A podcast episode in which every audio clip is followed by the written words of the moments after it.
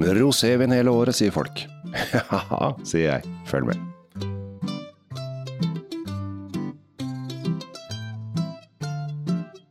Hjertelig velkommen til dagens episode. Tom Amrati er på plass her, og i dag, Tom, så har du eh, fått lov til å velge vin, og du har gått eh, helt bananas eh, her og klinka til med Rosé.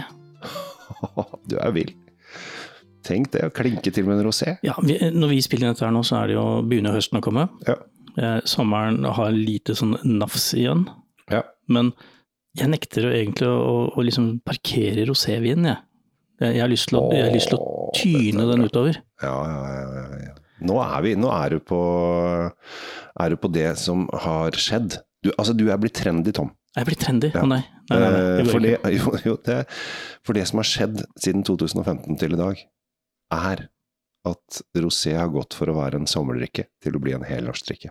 Det kan godt hende, og, det, det, og grunnen til det er jo det at eh, for det første er det veldig godt. Ja.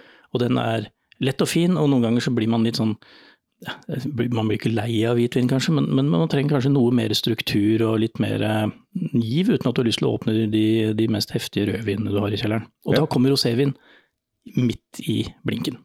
Ja. Jeg skal ta deg med til, eh, til sørlige Rondalen. Skal ta dem med til byen min. By, Ja. Byen min. Jeg skulle ønske at eh, det var byen min. Eh, Vi skal til et lite eh, For slott. byen din er Oslo! Ja, Åh, der fikk jeg tatt litt eh, hiphop også. Det er bra. Ja, ja. Vi, skal, vi skal til et lite slott, et lite familieeide slott. Ja. Ble grunnlagt eh, i 1749 for den som er interessert. og Det betyr at det var før den franske revolusjonen, så dette er fra det gamle keiser, kongedømmet. Mm. Ikke keiserdømmet, det var etterpå.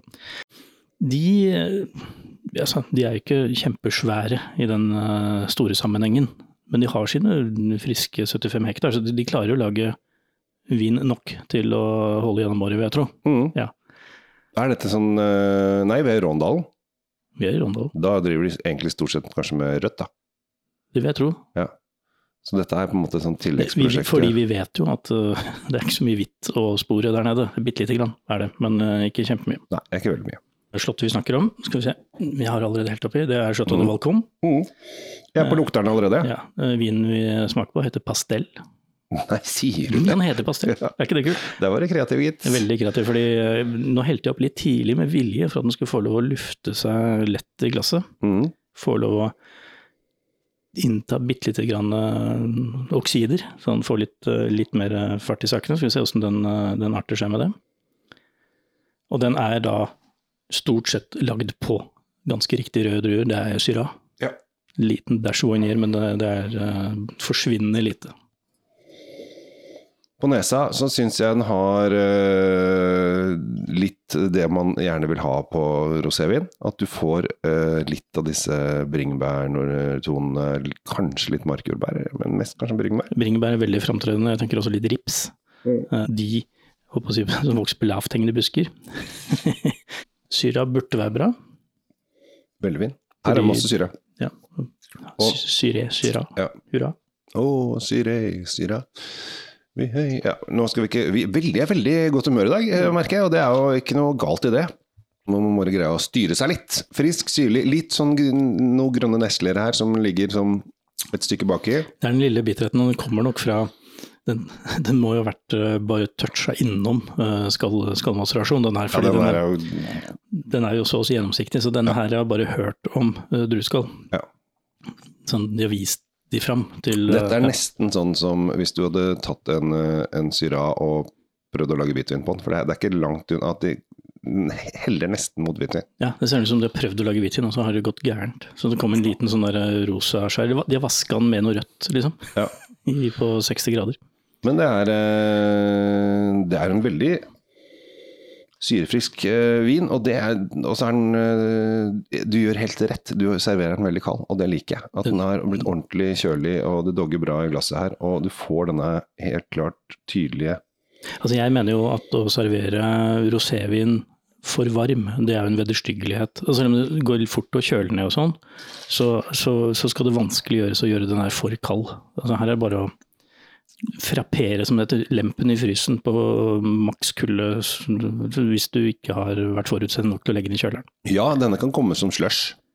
Nesten. Ja. Ja. Det er Altså, ikke mye vin jeg vil ha som slush, men eh, det- Har ikke, har ikke før du tygger den. Men altså, den, den, den mister ikke mye av eh, karakteristikkene sine hvis den kommer under fire grader. For å si. det sånn. den, den, den beholder jo eh, seg selv. Og det, det er derfor jeg tok med denne her til deg i dag, eh, Kjell Gabel. For dette er jo en helt enestående eh, vin i forhold til at den er seg selv. Den, den prøver ikke å være noe annet. Den prøver ikke å være en, en eh, Vin fra lenger sør i Frankrike til området Nice, og det, der vi liksom Nei. finner disse som ser sånn ut. Det- det- nei, Dette er det de har laget på Syra. Ferdig butikk.